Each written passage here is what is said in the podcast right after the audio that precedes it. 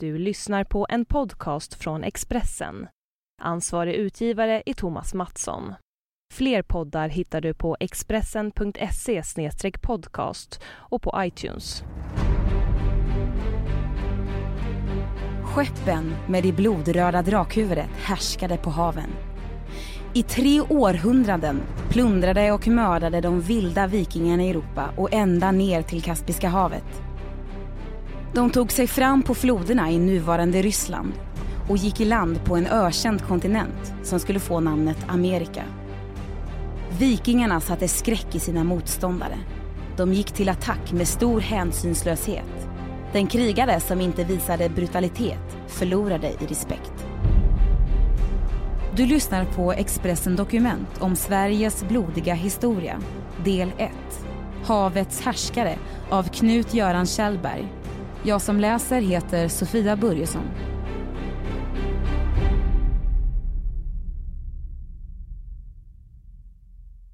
Tiden är ond och grymmast av alla är en bjässe till kar som heter Ingjald.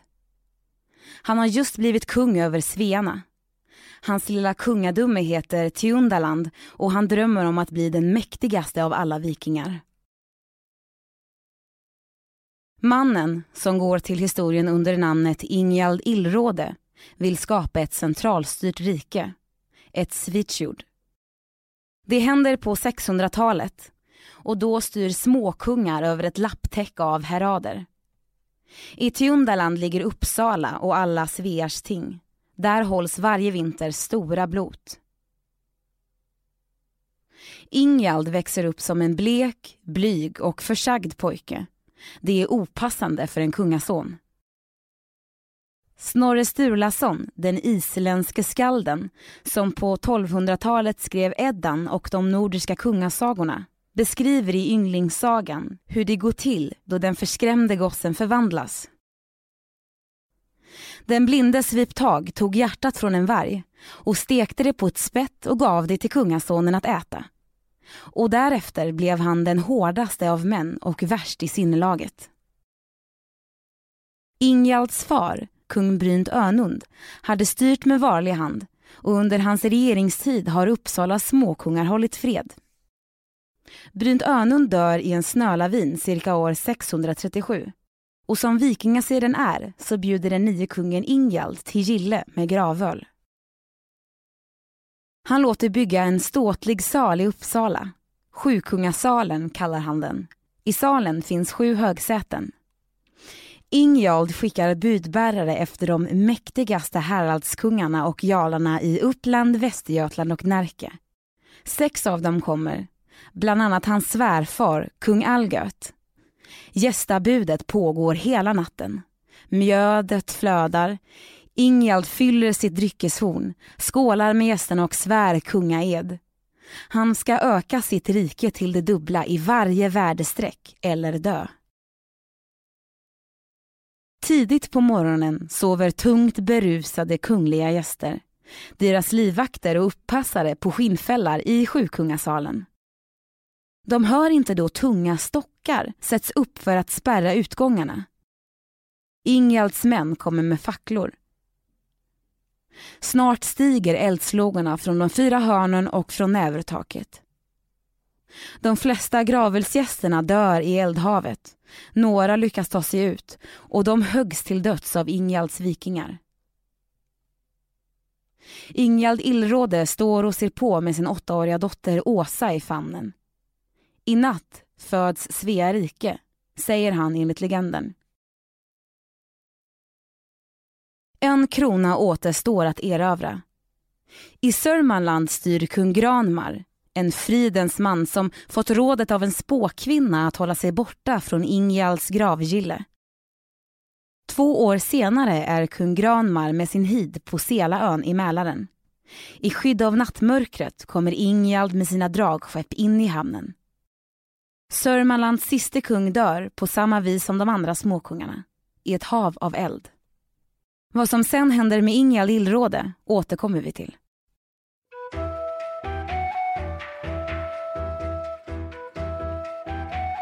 På vikingarnas tid finns två folkslag, svear och götar.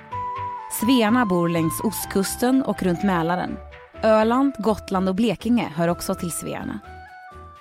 Götarna lever på de stora slätterna i södra Sverige, ända ner till Skåne som är danskt. Götalandet är indelat i två regioner, Västergötland och Östergötland. Vättern och de väldiga skogsområdena Tiveden och Kolmården är naturliga gränser mellan folkgrupperna. Sverige norr om Uppsala räknas inte. Skogarna och myrmarkerna är en väglös barriär mot glest befolkade trakter i Hälsingland, Medelpad och Jämtland. Längst upp i norr lever samerna med sina renar. Under vikingatiden fanns inte Sverige, Norge och Danmark som nationer. Vi talar ungefär samma språk, fornnordiska. Småkungar, klaner och hövdingar är i eviga strider med varandra.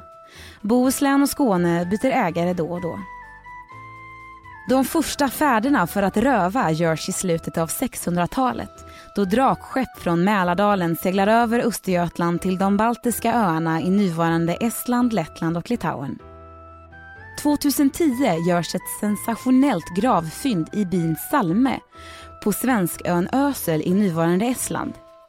En cykelbana skulle byggas och då grävskoporna sätts i marken hittas benrester. Först tror jobbarna att de funnit en massgrav från andra världskriget. Men fyndet är mycket äldre. Från före den tid som historiker kallar vikingatiden. Utgrävningarna pågår fortfarande. I två gravar har arkeologerna funnit två skepp och 40 skelett efter människor. Där finns även vapen och spelpjäser bland lämningar efter jaktfalkar och hundar. Båtgravarna härstammar från början av 700-talet och visar att svearna är på plundringståg långt före vikingarnas stora erövringsresor. Etniska forskare vid Historiska institutet i Tallinn håller på att analysera fynden. De tror att männen i gravarna var svenska krigare som kommit över till Ösel för att plundra men stött på motstånd och dött i strid. Det mest överraskande med fyndet är att skeppen var segelfartyg. Tidigare har man trott att vikingarna började använda segel långt senare. Några av de första som seglar österut är fredliga handelsmän. Andra är rövare, de som snart blir fruktade som vikingar, eller varjager som de kallas i öst. Enligt Snorre Sturlarssons Ynglingssagan har ättens kungar blivit rika på antingen plundringståg eller genom att byta pälsar, honung och kära mot sidentyger och silversmycken från andra sidan havet. Från Uppland tar sig de första vikingarna genom Mälaren upp till Arholma i Stockholms norra skärgård. Efter ett kort stycke öppet hav når de Åland och kan färdas genom skärgårdar tills de kommer till Finska viken. Det är sjösäkraste sättet. Seglatsen mellan Svea rike och floden Nevas utlopp tar mellan en och två veckor. De första vikingarna använder en skeppstyg som kallas knarr. En klintbyggd båt i bastant ek eller furu som fått sitt namn av att virket knarrar då vågorna slår emot båden. Knarrarna har ett enkelt råsegel med en segelyta som kunde vara 70 kvadratmeter. Det finns 10, ibland 15 årpar. Svearnas båtar är små, 16 till 20 meter. De ska vara lätta eftersom de måste dras genom forsar och rullas över stockar mellan floderna. De hade lång köl och kunde lägga till i grunda vatten, vilket var en förutsättning för överrumplande anfall.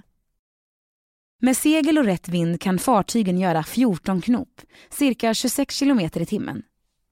De kan ros i jämn takt i 4-5 knop, nästan en mil i timmen. Seglet är viktigast, en revolutionerande nymodighet i Norden. Det är fyrkantigt vävt i ylletyg, oftast i gult och rött.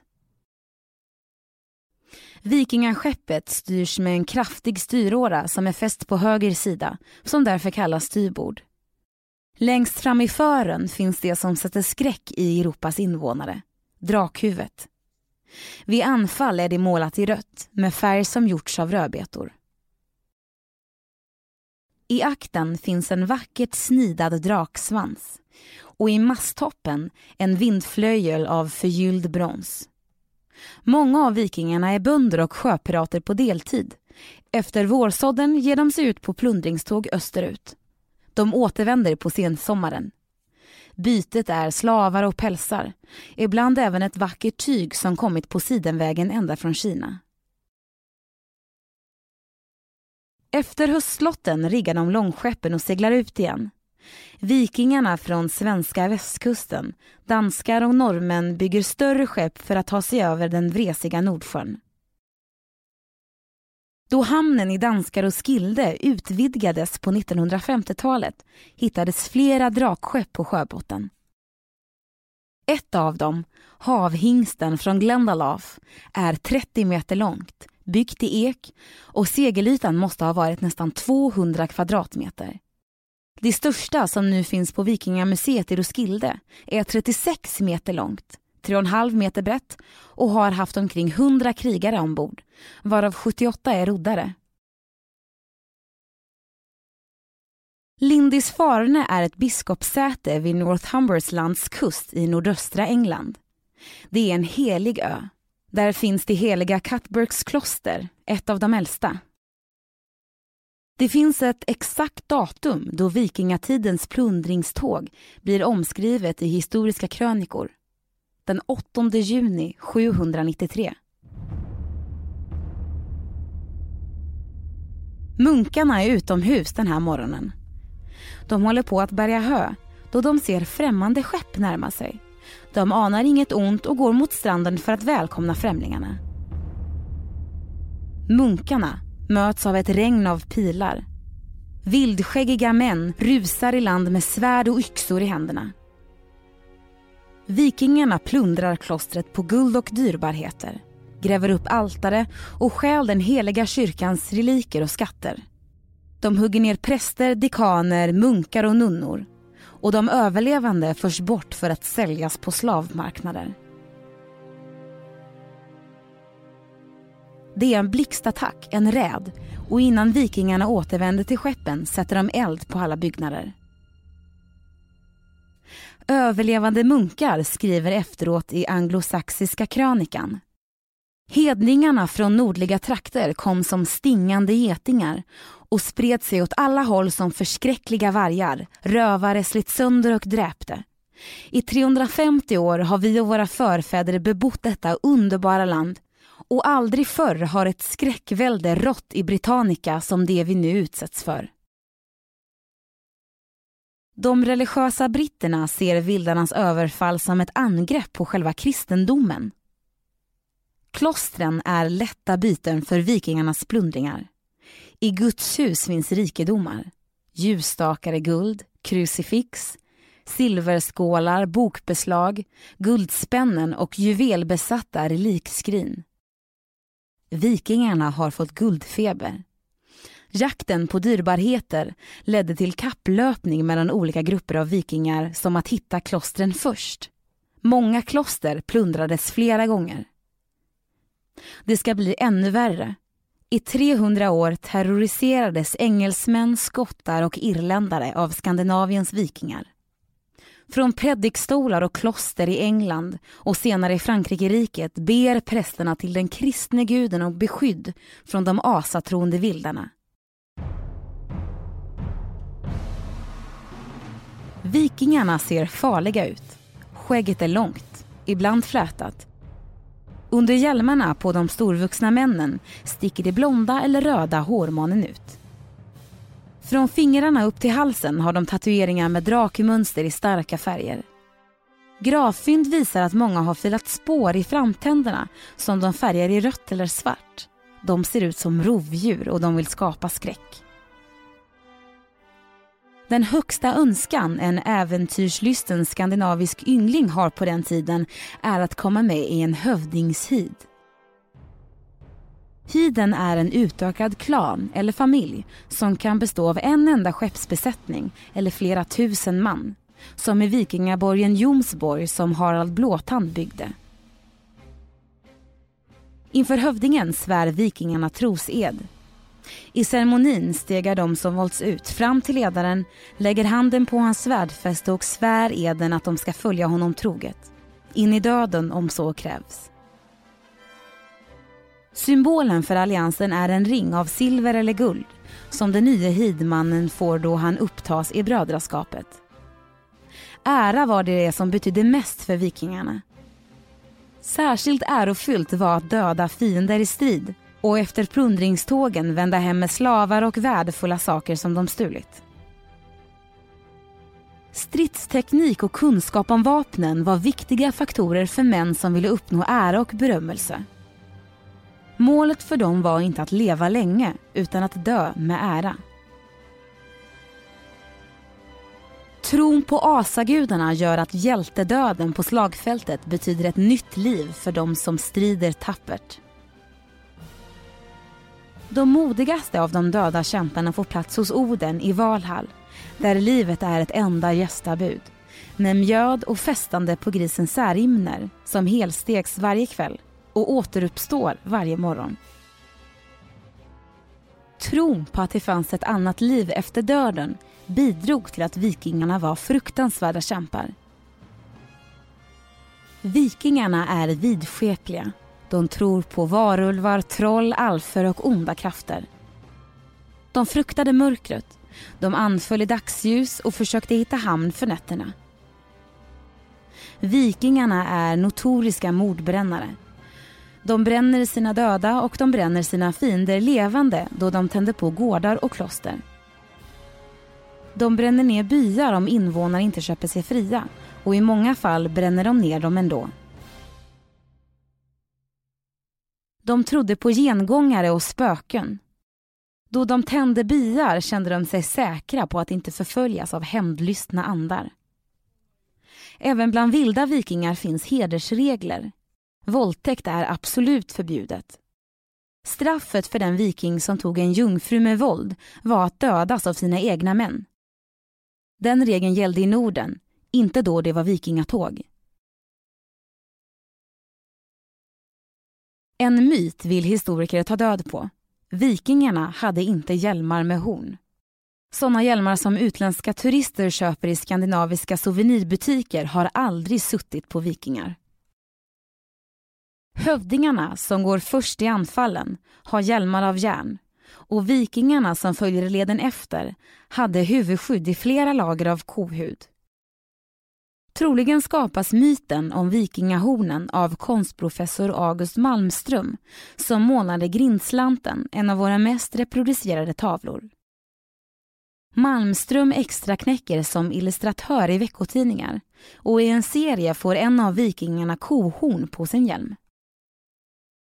Missuppfattningen sprids till Tyskland och då Richard Wagners Nibelungens ring uppförs på 1880-talet har alla vikingasångare horn. Myten om att vikingarna bara var råskinn vill historiker också ändra på. De tvättade sig varje dag och hade alltid rena kläder. Det var ovanligt i dåtidens Europa. De blonda bjässarna från norr var farliga och spännande och blir ett hett byte bland kvinnor i områden de erövrar. Vikingarna brydde sig inte om etnicitet. De var absolut inte rasister och valde gärna hustrur från främmande länder. Ända från Amerika, som vikingarna kallar Vinland, hämtar vikingarna kvinnor. De tog med sig indianska kvinnor hem till Island och fick barn med dem. Det bevisas av en DNA-undersökning som gjordes för ett par år sedan på 80 islänningar. De har en speciell typ av DNA som bara finns hos indianer. Tillbaka till den onde Ingjald Illråde. Dottern Åsa är enligt Snorres ynglingssagan lika grym som sin far.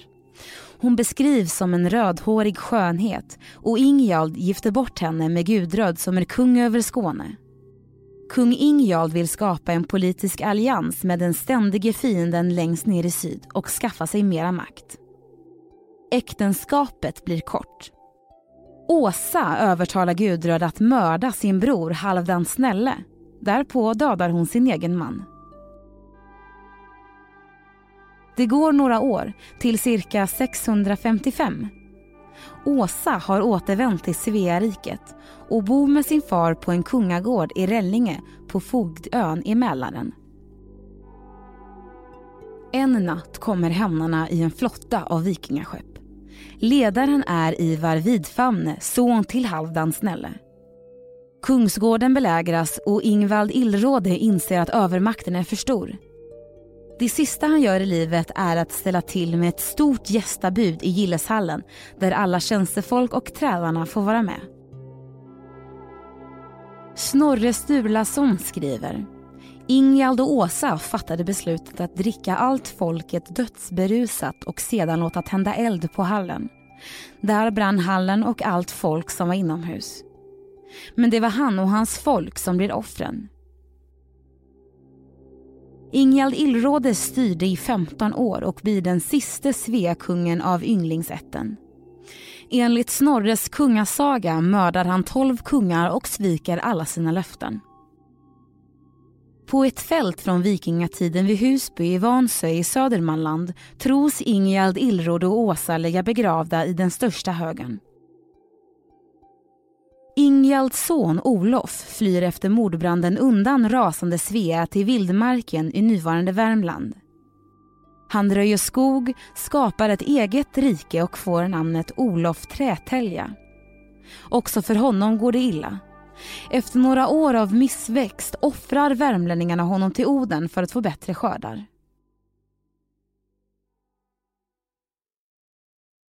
Ivar Vidfamne gör karriär som viking. Han tar över Sveariket efter Ingjalds Illrådes död och rövar till sig hela Danmark och delar av Tyskland och England. Cirka år 695 är han på väg med en flotta över Östersjön mot Gårdarike, nuvarande Ryssland och kommer i bråk med sin fosterfar Hord som anklagar Ivar Vidfamne att vara grym och hänsynslös. Slagsmålet slutar med att båda hamnar i havet men bara Hord plockas upp av besättningen. Erik Blodyx är ett råskinn, en brodermördare och stortjuv. Han blir kung av York, på den tiden den näst största staden på de brittiska öarna. Vikingarna kallar staden Jorvik och blir deras starkaste fäste i norra England. Erik Blodyx är ett av 23 barn till Harald Hårfagre. En krigarviking som besegrat småkungarna och gjort Norge till nationalstat. Han vinner många slag och lägger sig även under Värmland och Dalsland. Då Hårfagre dör, cirka år 933, slåss hans söner om makten. Blodyx dödar flera av hans bröder med en yxa, därav hans namn. Han är kung av Norge innan hans yngre bror Håkon Alstein Forste driver honom i landsflykt. Blodyx är fruktad, inblandad i ständiga maktkamper och till sist möter han sitt öde i slaget vid Stainmore, en ort längs den gamla romerska vägen norr om York. Han blir den sista av vikingakungarna i staden. Knut den store är den mäktigaste av vikingarnas kungar i England. År 1015 seglar han med en flotta från Danmark och efter många och långa strider lägger han sig under till stora delar av landet.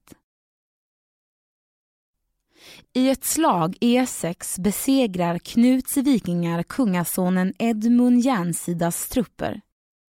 De kommer överens om att sluta fred och dela landet i två delar.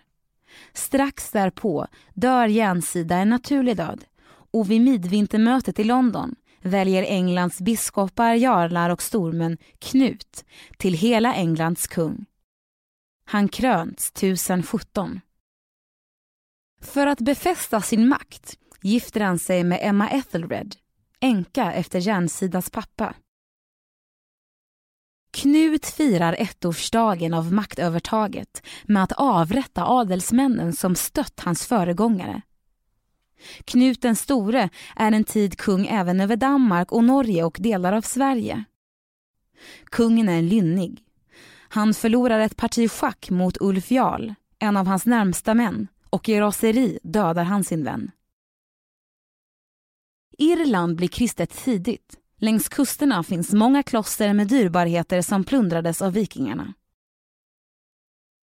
År 844 seglar en stor vikingaflotta upp för floden Shannon och etablerar en bas för plundringstågen vid insjön Lochray. En annan flotta kommer från öster längs floderna Liffey och Boyne. Vikingarna bygger en befäst hamn för långskeppen.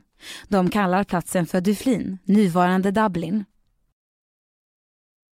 Ledaren heter Torgils, en norrman. I iriska krönikor beskrivs han som en satans tjänare och kristendomens fiende. Han utropar sig till hednisk överpräst och viger de erövrande områdena till Tor. Den irländske hövdingen Mål Schachnail överlistar Torgils. Vikingen har blivit kär i hövdingens dotter och kräver att få henne till hustru. Schachnail sände dottern till Torgils hov. I sällskap hade hon tolv jungfrur, en gåva till brudgummens vikingar. Jungfrurna är utklädda män och på bröllopsnatten dödar de Torgils.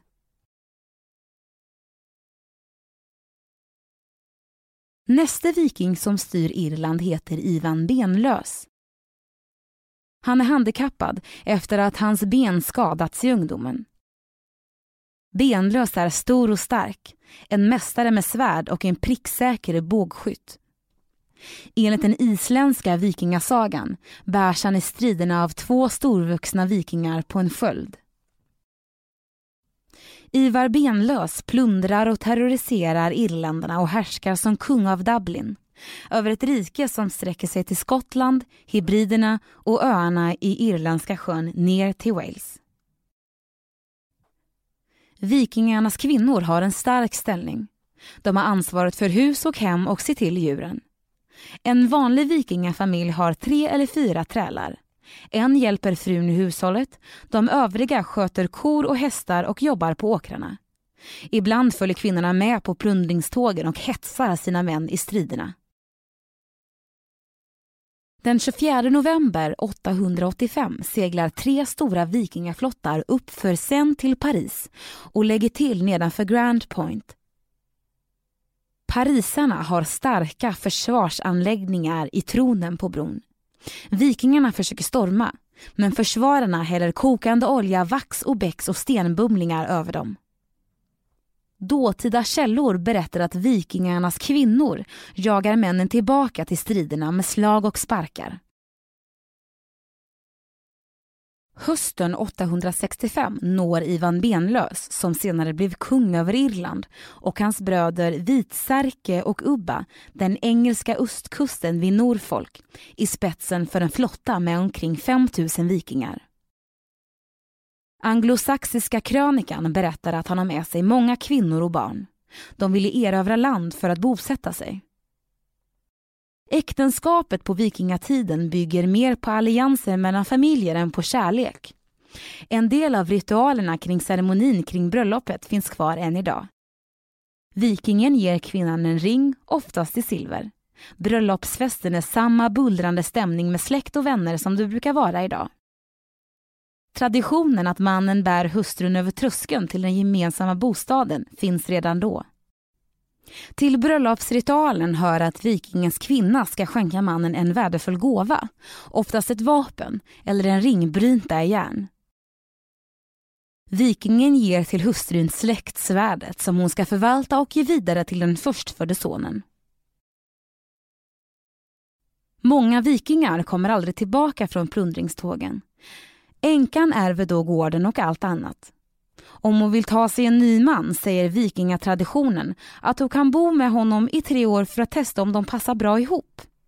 Gifter de sig då prövotiden är slut blir den nya mannen gårdens ägare.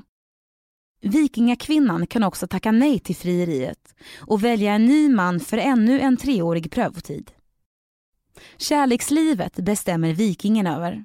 Vill han krypa ner i sänghalmen med någon av trälkvinnorna så kan hustrun inte neka honom. I vikingarnas mansdominerade värld gör husets herre oftast trälar till frillor, älskarinnor. Blir hon gravid blir barnet träl som vuxen. Rurik är en vildskäggig viking, troligen född i Roslagen. Han har två vapenbröder, Blåskägg och Torvald. De är unga, ärelystna och de drar på vikingatåg mot öst. De tre rospiggarna kommer att skapa historia. På floderna och i de vilda skogarna krigar de mot slaviska stammar, besegrar fiender och styr över ett väldigt område, vikingarnas gårdarike. Ryrik kallar sitt rike Russ och det består av länderna som idag är Ukraina och Vitryssland och även en bit av Ryssland.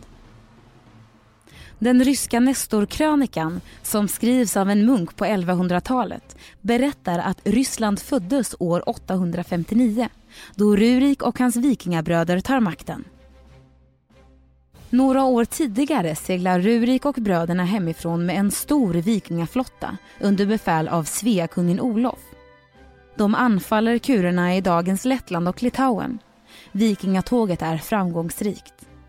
Kungen fyller skeppen med slavar, pälsverk, vax och honung och seglar hemåt. Rurik och några andra vikingar är inte nöjda.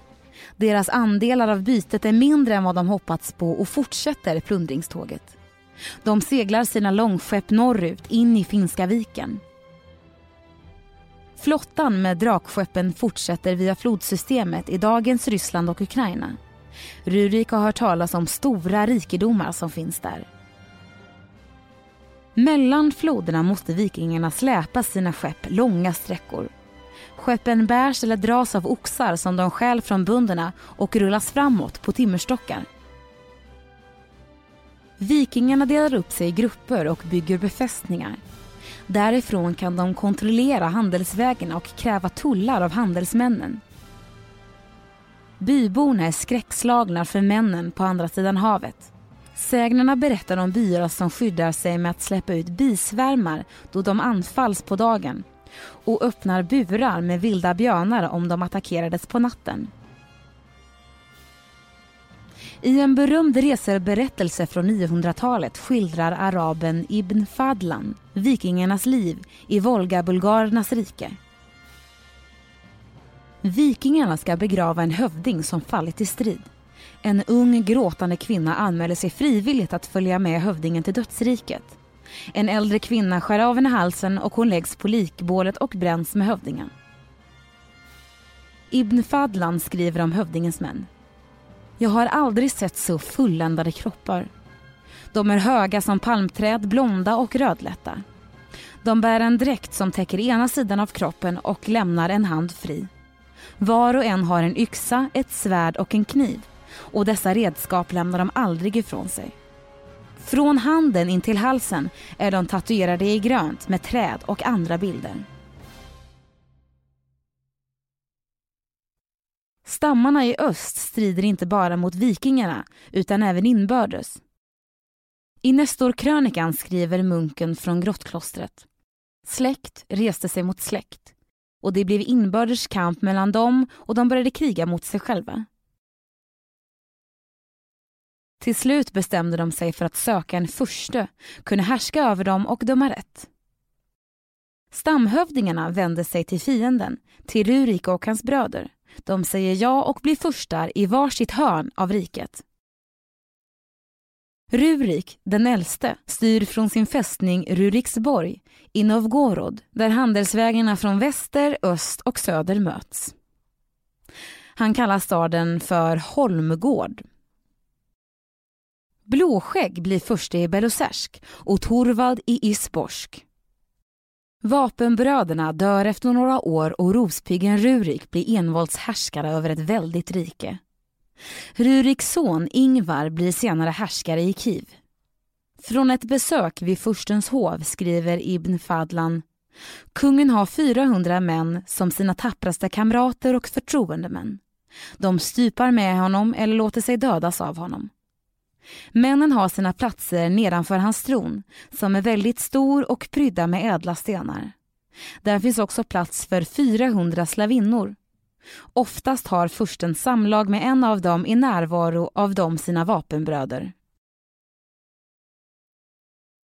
Kiev är huvudstaden i riket som kallades Rus och sträcker sig från Tamanhalvön i söder, floderna Dnester och Wislas övre lopp i väster och Divina i norr. Det är dubbelt så stort som dagens Sverige. Rurik återvänder aldrig till Roslagen. Han dör 879.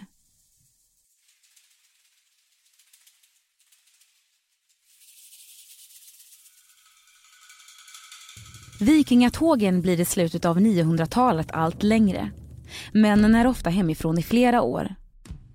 Danéerna och goterna är först med att ta sig söderut längs Atlantskusten och in i Medelhavet. De krigar mot Morena, de muslimska härskarna i Spanien, i Nordafrika och seglar ända ner till Syditalien. Svearna tar sig till Kaspiska havet där spännande och dyrbara varor från Sidenvägen finns. Gånge Rolf är skåning, eller möjligen från Norge. Uppgifterna om honom är inte säkra. Han kommer i onåd hos Norges mäktigaste kung, Harald Hårfagre, blir fredslös och går i landsflykt. Gånge Rolf är en ståtlig man, stark och grym. Sägnen säger att hans kropp är så stor att ingen häst orkar bära honom. Hans vikingaflotta seglar upp för sen flera gånger och plundrar Paris. I fredsavtalet med den franske kungen Karl den enfalde får han ett greveskap vid Engelska kanalen. Han kallar det Nordmandin, efter nordmännen. I 19 år styr Gånge Rolf sitt greveskap. Han blir kristen, döper om sig till Rollo och tar dottern Gisela till hustru. Han dör 932 och graven finns i katedralen i Royn. Många vikingar bygger nya liv i Bretagne och Normandie, i Kiev och på Irland och de brittiska öarna. De återvänder aldrig till bondelivet i Sverige. De blev legoknäktar på heltid. Vikingarna är eliten bland krigare. Furstar i öst och kungar i väst hyr dem som livvakter eller soldater. En av dem heter Harald Hårdråde en norsk äventyrare som överlevt många vikingatåg och blivit rik i silver. Efter att ha förlorat en maktkamp om kungakronan i Norge går han landsflykt och blir hövding för värningarna i kejsarens palats i Konstantinopel som kallas Miklagård av vikingarna. Nu heter staden Istanbul. På vikingatiden styr den bysantiske kejsaren över dagens Turkiet, Grekland, Bulgarien och södra Italien. Den praktfulla kyrkan, Agia Sofia, finns redan. Där finns även sagolika palats, stenlagda torg och basarer med Orientens alla tyger och dofter. Runt den praktfulla hippodromen, kapplöpningsbanan, finns bronsstatyer av vackra kvinnor och män den grekiska mytologins alla gudar. Miklagård är världens centrum. För en bondapojke från Upplands inland är det himmelriket.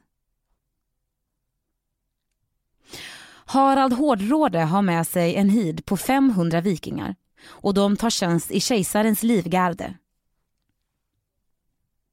Harald Hårdråde och hans vikingar skickas av kejsaren då det är uppror i det väldiga riket. Vikingarna krigar i långa perioder i Syrien, Bulgarien och på Sicilien. År 1045 seglar Harald Hårdråde hem igen. Kejsaren har belönat honom väl. Nu är han en förmögen man. 1046 skänker han hälften av sitt silver till brodern Magnus den gode i utbyte mot att de delar kungamakten i Norge. Året därpå dör Magnus och Harald Hårdråde blir ensam härskare. En annan av vikingarna i Miklagård heter Halvdan. Att vi vet att han är kejsarens legoknäkt beror på att han har klottrat på räcket till balustraden till översta galleriet i Agia Sofia. Med runor ristar han in ett numera oläsligt meddelande som han undertecknar. Namnet finns kvar än och går att läsa. Ingvar den Vittfare är år 1036 en yngling i 20-årsåldern. Hans far är en aktad hövding och hemmet ligger i närheten av Mariefred i Södermanland. Vikingablodet rinner i Ingvars ådror. Släkten räknar anor till Erik Segersäll som varit kung över både Sverige och Danmark. Ingvar leder en flotta på 30 skepp och cirka 1000 man som ger sig av österut mot Kaspiska havet. De plundrar Konstantinopel. Bytet är gott. Längs vägen möter de fiender med ett nytt vapen som vikingarna aldrig sett. Grekisk eld kallar de det. Bysantilierna har utrustat sina galärer med långa kopparrör som sprutar brinnande vätska, troligen någon slags olja, över vikingaskeppen. Många av Ingvars skepp går under med män och rovbyte. Efter många strider och plundringar når vikingarna Tbilisi, nuvarande huvudstaden i Georgien. Ingvar sluter avtal med kung Bagrad och får lov att lämna området med ett stort antal tjänstekvinnor som den fått i gåva. Kvinnorna är den listiga fällan. Vikingarna förlustar sig med dem och de flesta nordmännen blir sjuka och dör. Vilken sjukdom kvinnorna smittade dem med kan ingen idag säga. Ett enda skepp återvände till Sveariket. Det har gått fem år efter att Ingvar inlett vikingatåget. Hövdingen och hans bror Harald är bland de döda. Vid Gripsholms slott i Mariefred finns en känd runsten. Den berättar den tragiska historien om ett av otaliga vikingatåg som slutar i tragedi. Den restes av Tola till minne av hans son Harald, Ingvars halvbror. Runt Mälaren finns cirka 30 bevarade runstenar där fäder och mödrar sörjer sina förlorade söner från Ingvarstågen.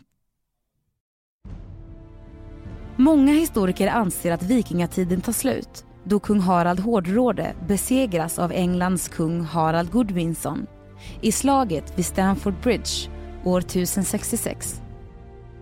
Ironiskt nog förlorar segraren både sitt land och sitt liv 16 dagar senare till Wilhelm Erövraren i slaget vid Hasting. Vikingaepoken ebbar ut av många orsaker. I mitten av 1000-talet var i stort sett hela Norden med undantag av Uppsala-regionen kristet. I enstaka delar av Sverige finns ända till 1200-talet människor som dyrkar och offrar till asagudarna. På Island och Shetlandsöarna härskar nordiska jarlar som fortsätter att dra ut på plundringståg ända fram till 1300-talet.